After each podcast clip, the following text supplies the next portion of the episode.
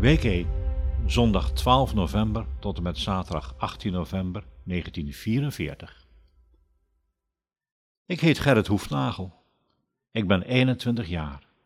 Ik woon op Urk en ik werk als timmerman aan de bouw van boerderijen in de net ontgonnen Noordoostpolder. Het is oorlog, het vierde oorlogsjaar al. Maar deze oorlog raakt mij niet. Ik heb een vrijgeleide, een Ausweis, van de Duitsers gekregen, omdat ik bij een aannemer werk die boerderijen bouwt die bij de voedselvoorziening horen. Die Ausweis vrijwaart mij voor arbeid voor de Duitsers in Duitsland. Eens in de twee, drie, soms zelfs vier weken ga ik naar huis, naar mijn ouders op Urk. Ik verblijf momenteel in kamp Marknesse. Vandaag, zondag, heb ik de kerkdienst bezocht in ons kamp. Ja, het is hier net een dorp, hier met een kerk en een winkeltje.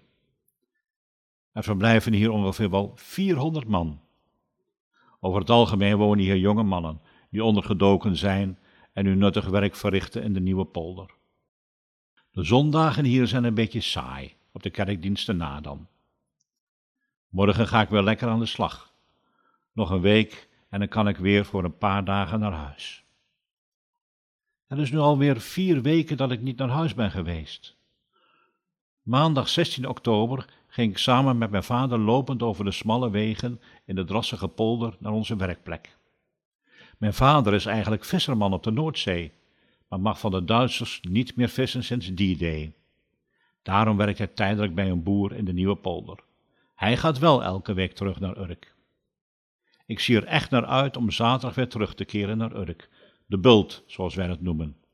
En misschien ligt er ook wel een brief van mijn verkering uit Zaandam. Het is vrijdag 17 november. Ik word wakker in de barak van ons kamp. Morgen zal ik na vier weken hard werken weer naar huis vertrekken, naar moeder op Urk. Een zak met tarwe heb ik al klaarstaan om mee te nemen. Op Urk is niet zo heel veel meer te krijgen, maar hier in de polder is er nog genoeg. Wat is dat voor een rumoer buiten? De Duitsers, wordt er geschreeuwd. Maak dat je wegkomt. Iedereen schrikt op. Duitsers in de polder? Dat is nog nooit gebeurd. Snel schiet ik mijn laarzen aan om de wijde polder in te vluchten. Maar het is al te laat. Ons barakkenkamp is omsingeld door gewapende en gehelmde Duitsers. Halt! Stehen blijven! Politie! Enkele wagen toch een vluchtpoging, maar daar klinken geweerschoten. Ook worden er commando's in het Nederlands geroepen. Stop! Politie! Het zijn de gehate Nederlandse SS'ers. Ik zal niet opgepakt worden door de moffen, want mijn Ausweis zal mij redden. Dus grote zorgen maak ik mij niet. Maar hoe ijdel is mijn hoop. Als ik mijn vrijgeleide toon, moet de Nederlander in Duitse dienst hard lachen. Hij neemt de pas uit mijn handen en zonder een woord te zeggen steekt hij het in zijn zak en loopt weg. Tot mijn ergernis moet ik ook nog eens mijn laarzen afstaan. Een ramp, want schoenen heb ik niet bij me. We worden gedwongen in gelet te staan en worden door de Duitsers afgemarcheerd. Ontsnappen uit de rij is onmogelijk, want voor, naast en achter de groep lopen de gewapende Duitsers. Dan loop ik op mijn kousenvoeten door de modder te ploeteren op weg naar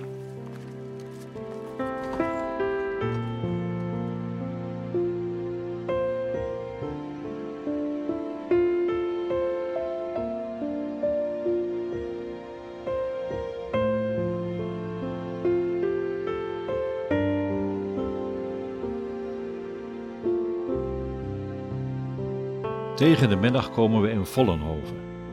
De plaatselijke bewoners staan zwijgend aan de kant. En toch durven enkelen o zo te roepen. Oranje zal overwinnen. We worden in een school geherbergd.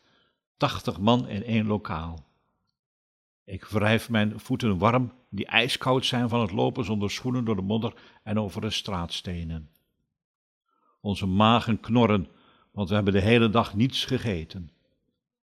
Gelukkig wordt er tegen het vallen van de avond eten gebracht. En na het eten is er appel op het schoolplein. De Duitsers moeten eerst tellen voordat we kunnen slapen. Maar liefst drie uur duurt het appel. Eindelijk mogen we naar binnen en kunnen gaan slapen.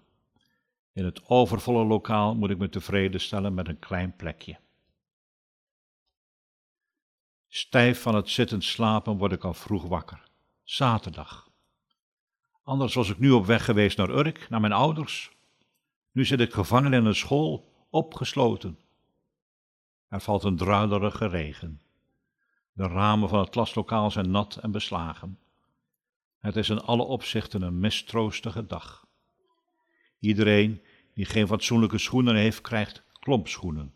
Ik ben er blij mee, maar dat betekent wel dat er weer een tocht volgt vandaag, anders delen ze geen schoenen uit. Bewaakt door veel Duitsers marcheren we niet veel later het schoolplein af. Het is een angstaanjagende mars, want bang dat iemand zal ontsnappen, schieten de Duitsers langs de rij gevangenen. De kogels gaan rakelings langs ons heen. Als iemand zal pogen uit de rij te stappen, loopt hij het risico doodgeschoten te worden.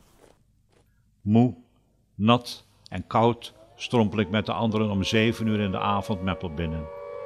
Het luchtalarm heeft geklonken, maar het is om de Meppelaren binnen te houden. De moffen willen geen pottenkijkers. Weer worden we naar een school geleid. Ik ben blij dat ik kan rusten. De Duitsers denken daar echter anders over. We krijgen opdracht om de vloer van de lokalen met stro te bedekken, eerst werken en dan slapen. Als we daarmee klaar zijn, laat ik me maar al te graag neervallen op het verse stro. Spoedig komt de bevrijdende slaap. Dag 2 van het gevangen zijn zit erop. Hoeveel dagen zullen nog volgen?